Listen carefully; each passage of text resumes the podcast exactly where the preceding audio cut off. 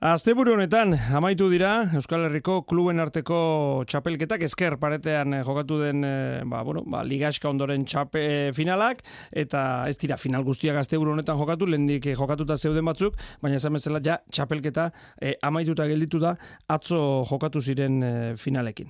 Gurekin da Euskadiko Pelota Federazioko Kirola Arduraduna Aitor Erauzkin, Aitor Gabon Kaixo, Gabon. Bueno, pentsatu nahi dut, eh, asteburu mugitu xamarra izan duzuela, ez da?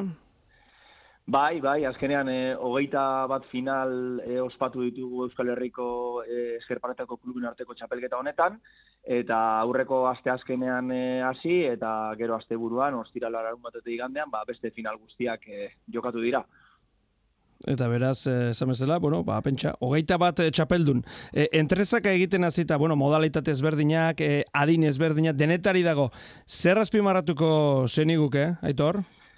Beno, ba, azteko txapeldunak e, nongo zein lurraldetakoak izan diren, ez da? Ba, bueno, e, bizkaiko klubek amabi txapele irabazi dituzte, gipuzkoakoek esazpi, eta Nafarrek bi, eta iparraldeko eta arabeko klubek ez dute e, txapelik irabazi hori azteko. Eta gero, bueno, ba, guk e, kadete, e, gazte, hogeta bi urte zazpiko, eta nagusi kategorietan antolatzen dugu e, txapelketa hau. Baina, bueno, aipatzekoa da, ba, bueno, ba, nagusi kategorietan eta batez ere horrezko maila horretan, ba, ba, nortzuk izan diren e, txapeldun, ez da? Ba, bueno, horrazteko, ba, eskuzko e, modalitatean, ba, bueno, ba, tartaloetxe klubak e, irabazi zuen e, eskuzko e, espezialitate horretan, e, lapke klubari irabazi zion, eta, bueno, e, tolosan e, jokatu genuen e, final hori, eta aipatu beharrekoa, ba, bainat azketak eman zuen e, erakustaldia eskuzko final horretan. E, matxin handiarena lagun zuela atzean, e, sekulako erakustaldia egin zuen, eta eta hogeita bita eta amabi irabazi zioten, ba, bueno, ba, de zubizarreta holi den moduko bikote, bikote handi bati.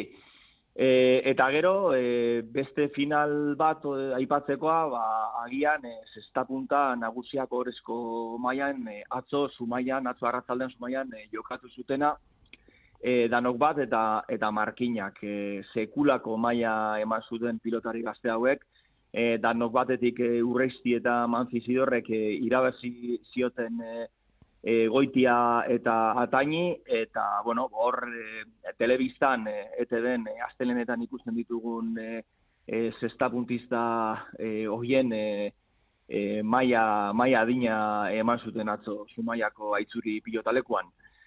Eta gero, ba, bueno, ba, erramintan, e, bai, e, larruzko paletan eta eta palamotzean, ba, epleko ordezkariak irabazi zuten paleta larruz e, horrezko maian, Eta e, aipatu, ba, bueno, barmintzatik, e, bueno, pala motzean nagusiak e, horrezko mailan, ba, bueno, e, horre sekulako bikotea dutela armintzan, Madariaga eta Imanol Ibainezek osatutakoa, eta, ba, bueno, denok dakigu Imanol Ibainezek e, ze maila duen, ez da? Maiala eta guztiz ere, kureneko gara izarreta lehibak ere, e, bueno, ba, ba, gerra mazuten, eta, eta azkenean, e, berro eta goita sortzi zizun armintzak, baina, baina hor ere e, sekulako partida ikusteko aukera izan genuen. E, aipatu dituzu, bueno, txapeldun aipagarrienak, e, aipatu dituzu e, lurraldeka pixkat nola joan den banaketa, zerbaitek atentzioa eman dizue, ezustekoa izan da, edo gutxi gora bera, espero zenuten bidetik joan da txapelketa? Ba, espero genuen bidetik e, joan da. E, bai aipatuko nuke aurten, e, bueno, ba, sekulako maila egon dela, e, finaletan. E, azkenean guk e, finalen jarraipen zuzen egiten dugu, eta finaletan e, maila ikaragarria izan da. Gero, ba, bueno, ba, txapelketa bere bidetik joan da, ez da inongo arazorik egon, eta, bueno, ba, azkenean aurten, e, inoz baino final gehiago jokatu ditugu. Azkenean, txapelketa honetan hogeita bat eh, final e, jokatu ditugu, eta, bueno, ba, e, kadete, gazte, goleta bihurtez aspiko, eta negusi kategoria hauetan. Eta, bori, ba, esan dizu dana, aipatzekoa e, finaletan ikusi dugun ikusi dugun maila. E, garrantzitsua da itor alden e, neurrian, ba, zeuk aipatu dituzun e, kategoria guztietan, e, modalitateetan eta gizon zein emakumezkoetan, e, hogeita bat final esan dituzu, alik eta final gehien alegia e, parte hartzaileak egotea, ez da? Hori da, hori da. Azkenean Euskal Herriko kluben arteko txapelketa hau lurraldeko txapelketen jarraipen bat da. Horrek esan nahi du, ba, gurea osasuntzu baldin badago, e, bueno, ba, kategoria eta modelia desberdinetan, ba, lurraldekoak ere osasuntzu daudela. Horrek ez du esan nahi, guk nahiko genuken bezain beste daudenik, ez da? Beti lan egiten da, alik eta osasuntzuen egoteko, baina e, bueno, ba, adirazle horrek, ba, bueno, ba, adirazten digu e, urtero, urtero final gehiago ospatzen ditugula, eta e, kategoria eta espezialitate gehiagotan antolatzen dugula e, txapelketa. Hori horrela da, eta espero duguna da, ba, urren urteetan, e, kategoria eta espezialitate gehiagotan e, txapelketak e, antolatzea, eta horren adieraz izango da, ba, gure Euskal Pilota e, inoz baino e, biziago dagoela.